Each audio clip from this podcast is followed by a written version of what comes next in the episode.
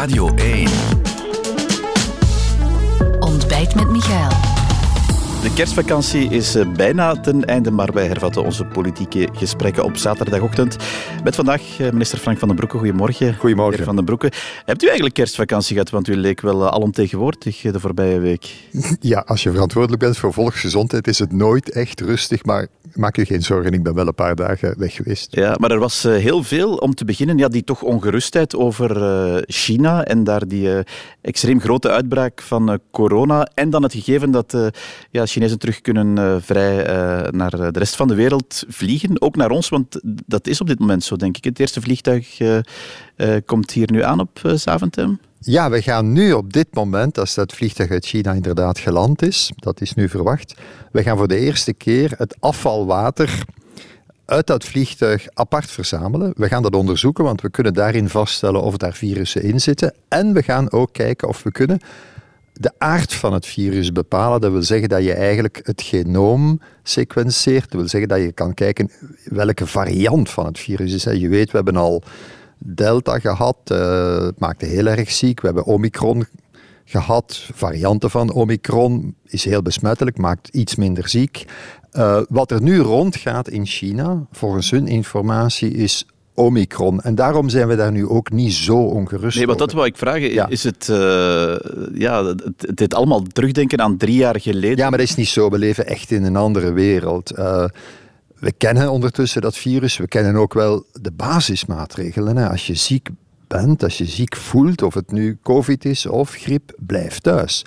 Draag een mondmasker als je buiten moet komen, toch. Uh, als je wat kwetsbaar bent, je stapt de metro. Een mondmasker als je mondmasker. bent, uh, neem ik aan. Ja, ja inderdaad. Um, Zorg voor goede ventilatie. Verse binnenlucht is essentieel. We kennen ondertussen die noodzakelijke ja. basismaatregelen. En vooral, we zijn massaal gevaccineerd. Ja, want ik dus, denk dat vele mensen zich uh, al huiverden bij het idee van het komt er toch niet opnieuw nee, aan. Ik dat denk dat er ook weinig mensen zo. We zijn, we, zijn, we zijn in een andere wereld waar we dankzij wetenschap, dankzij ook een enorme solidariteit die er geweest is, deze varianten van het virus wel de baas zijn geworden. En dus als Omicron rondgaat in China, dat is dramatisch voor de Chinezen.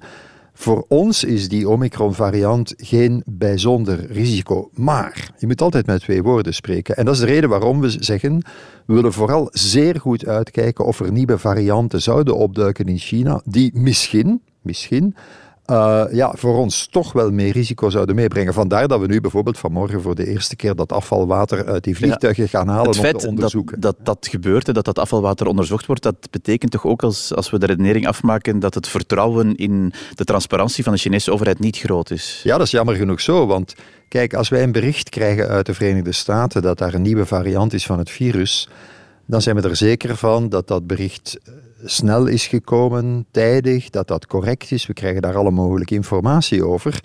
En dus wij moeten nu vandaag niet afvalwater uit vliegtuigen uit de Verenigde Staten beginnen onderzoeken. Maar met China zijn we wel wat ongerust, omdat de informatie over het aantal besmettingen gewoon is weggevallen. Um, wat we weten tot nu toe geeft geen reden om echt te denken dat daar een andere variant is. Dus ik blijf daar redelijk op mijn gemak. Maar ja, je weet maar nooit. En dus we hebben heel hard op tafel geklopt, ook Europees. Ik denk dat we daar als klein land deze week echt een belangrijke rol hebben gespeeld. We hebben heel hard op tafel geklopt om dat ook in heel Europa te doen. Om dus een beetje dezelfde benadering te hebben en overal in Europa afvalwater uit vliegtuigen uit China te beginnen halen. Ja, natuurlijk, u, u weet wat de opmerking dan is. Hè. Straks staan hier ook uh, mensen uit China die via Londen gekomen zijn en die komen gewoon met de trein naar hier. Ja, daar weet je natuurlijk veel minder van. Nee, maar, maar dat is juist. Wat, wat we doen ten aanzien van reizigers is eigenlijk ook toch vooral ja, een, een, een bijzonder risico uh, in het vizier nemen. Dat is een vliegtuig dat rechtstreeks uit China komt, waar dus mensen opgestapt zijn, bijvoorbeeld in Peking.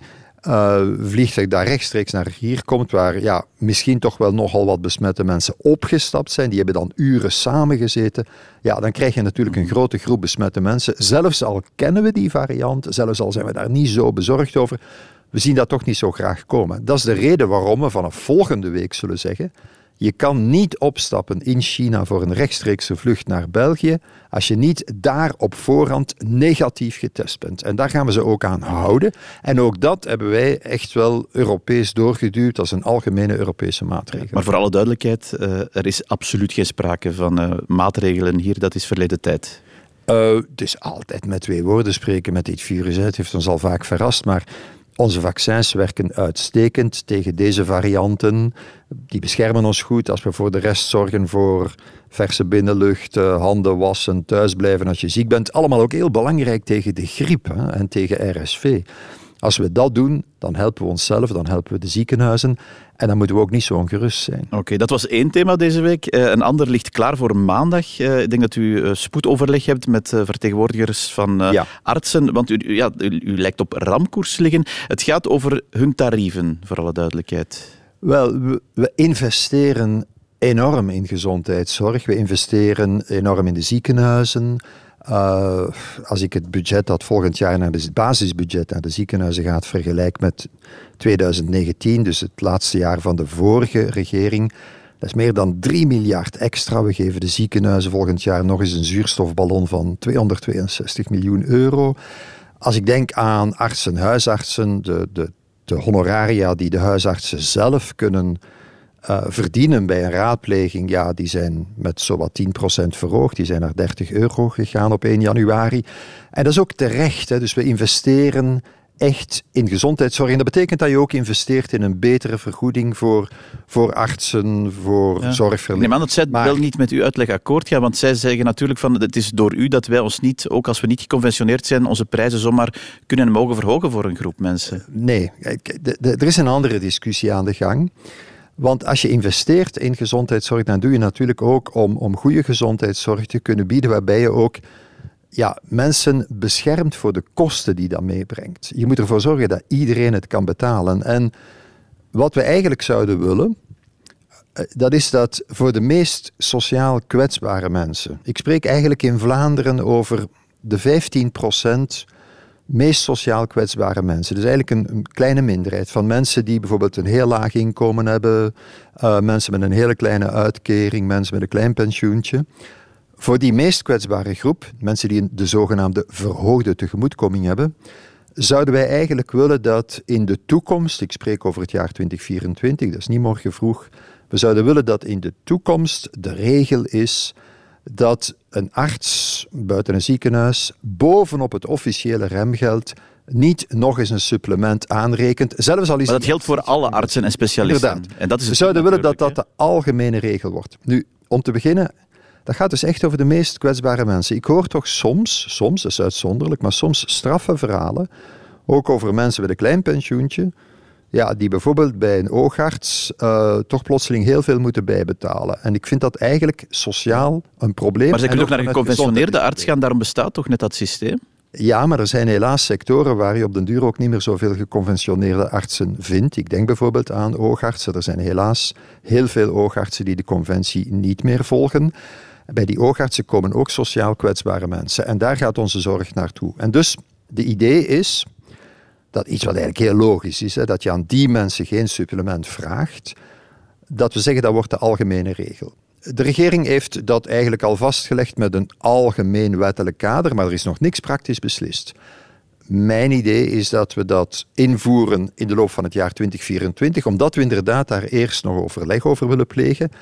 En daar kan ik de artsenorganisaties geruststellen we zullen daar overleg over plegen. Als er overleg te plegen valt, want een van de grootste, of de grootste bond daar zegt van als, als dat zo is, dan blazen we gewoon dat akkoord, die conventie, blazen we die op. Dan staat u daar natuurlijk. Um, wel, dit is een beetje verbazend, omdat de andere artsenorganisaties, niet deze, niet BEVAS, die zeggen ook dat ze daar overleg over willen. En dat is heel terecht. We gaan dat overleg ook organiseren. Maar als zij het opblazen, wat dan?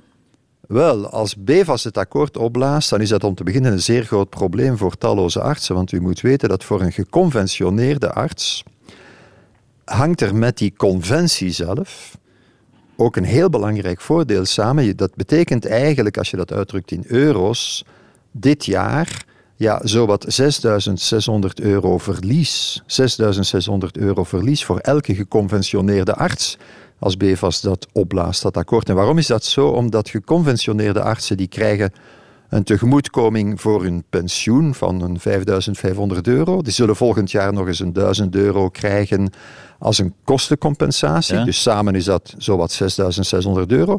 Jonge artsen, artsen in opleiding, die krijgen in het kader van die conventie een tegemoetkoming voor hun pensioenopbouw van 6.900 euro. Dat valt weg. Dat valt Ja, weg zegt voor al die jonge Maar u artsen. zegt, ze, ze schiet als in men het eigen voet, maar u zit ook wel met een groot probleem natuurlijk als dat gebeurt. Hè? Maar iedereen zit dan met een probleem, vandaar dat ik ook zeg van... Maar is er dan nog over te onderhandelen? Want dat is het punt dat zij vragen natuurlijk, over wat u hier gezegd hebt, over die beslissing die binnen de regering groeit. Is daar nog onderhandelingsmarge? zoals altijd, bij elk van deze beslissingen, dat is voorwerp van overleg. Ik overleg altijd met iedereen, maar natuurlijk, de beslissing is ook nog niet genomen. Dus er kan nog gepraat worden over of dat echt zo strikt is. Hoe je dat toepast, dat is heel uitdrukkelijk. Ik heb dat overigens ook al in het parlement gezegd, want het wettelijk kader ligt vast.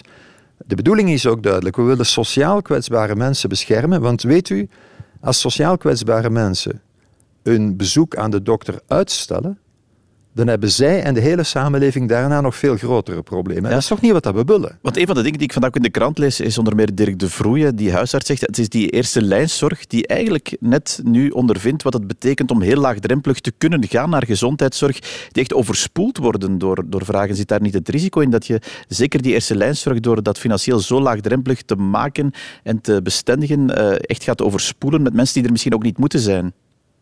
Ik ben daar volstrekt eh, niet mee eens.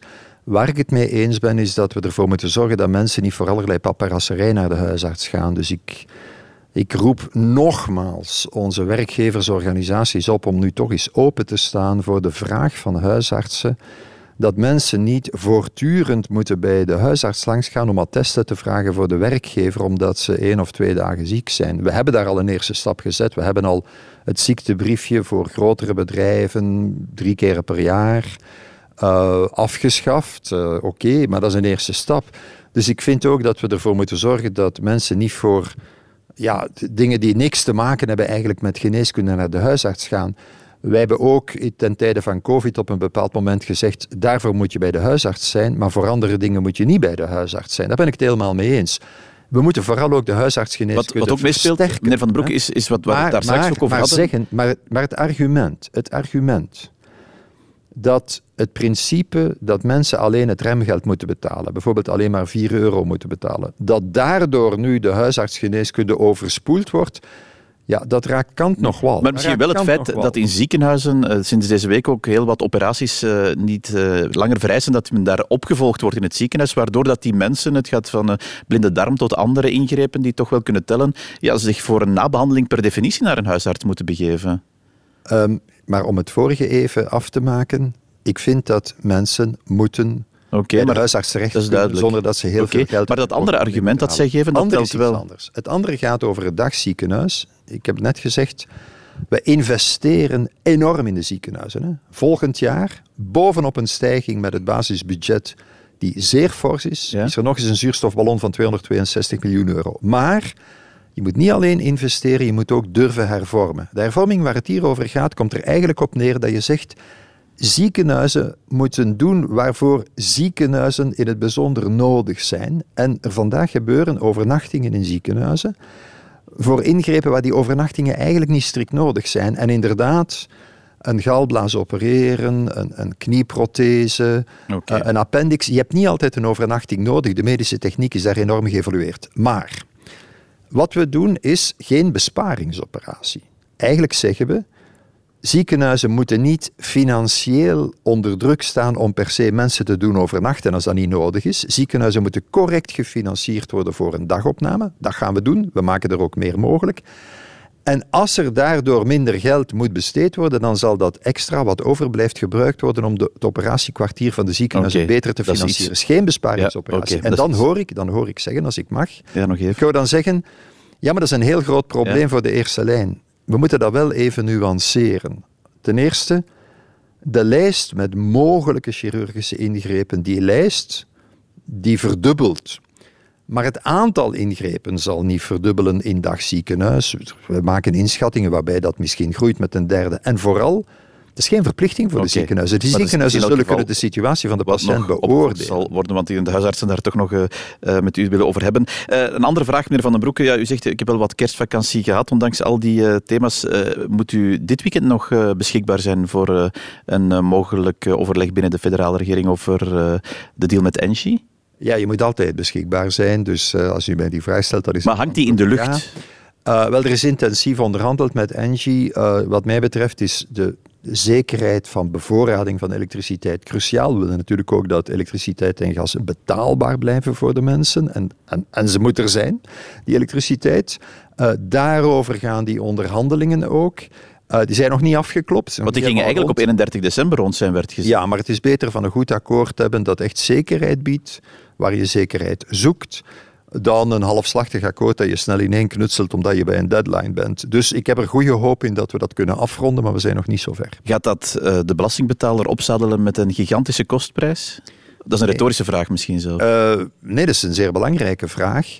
Uh, Engie is echt verantwoordelijk, historisch verantwoordelijk, als uitbater van nucleaire centrales voor het afval wat daar tot stand komt, waarvan de berging veel geld kost, onvermijdelijk, en de latere ontmanteling van die centrales als die niet meer bruikbaar zijn, wat ook veel geld kost. Ze hebben daar winst mee gemaakt, dat is normaal, maar ze zijn ook verantwoordelijk om het op te kuisen. En die verantwoordelijkheid is ook bij hen. Dat ligt netjes vast in wetgeving. Nu is dat voor Engie een verhaal dat nog heel veel jaren zal duren natuurlijk. En zij zeggen, ja, maar we zouden liefst die verantwoordelijkheid nu als het ware aflossen financieel. Uh, dan zeggen wij als regering, ja, als dat een eerlijke deal is, en je dekt met die aflossing ook echt het toekomstige risico, dat is het maximum, is dat goed. Dat is het maximum ja, dat zij vragen. Als dat een eerlijke deal is... En wie bepaalt waarbij, dat? Dat is het voorwerp van de onderhandeling. Maar daar, we hebben ook een commissie van experten die daar zeer waakzaam op toekijkt. Dat is de commissie voor het nucleaire afval. En die ook de berekeningen maken van wat dat kan kosten.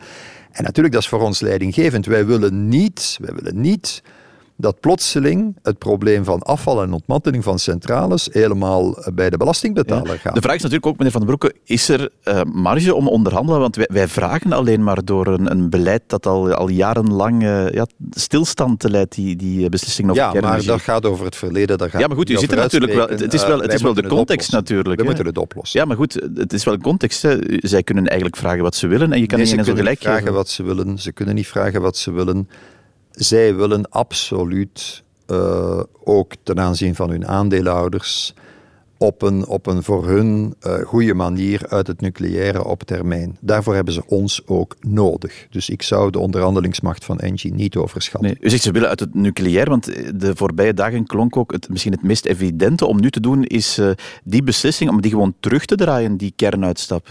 Dat is voor een stuk wat gebeurt. Hè. Dus we vragen om twee centrales die veilig langer kunnen werken, langer te laten werken. Je kan zelfs nog andere dingen doen om, om nog tijdelijk wat extra gebruik te maken van centrales, als dat veilig kan. Dus ik heb daar geen enkel a priori. Ik wil bevoorradingszekerheid, ik wil energie die betaalbaar is voor de mensen en ik wil niet dat de samenleving plots gaat opdraaien voor het nucleaire afval en voor de ontmanteling van centrales.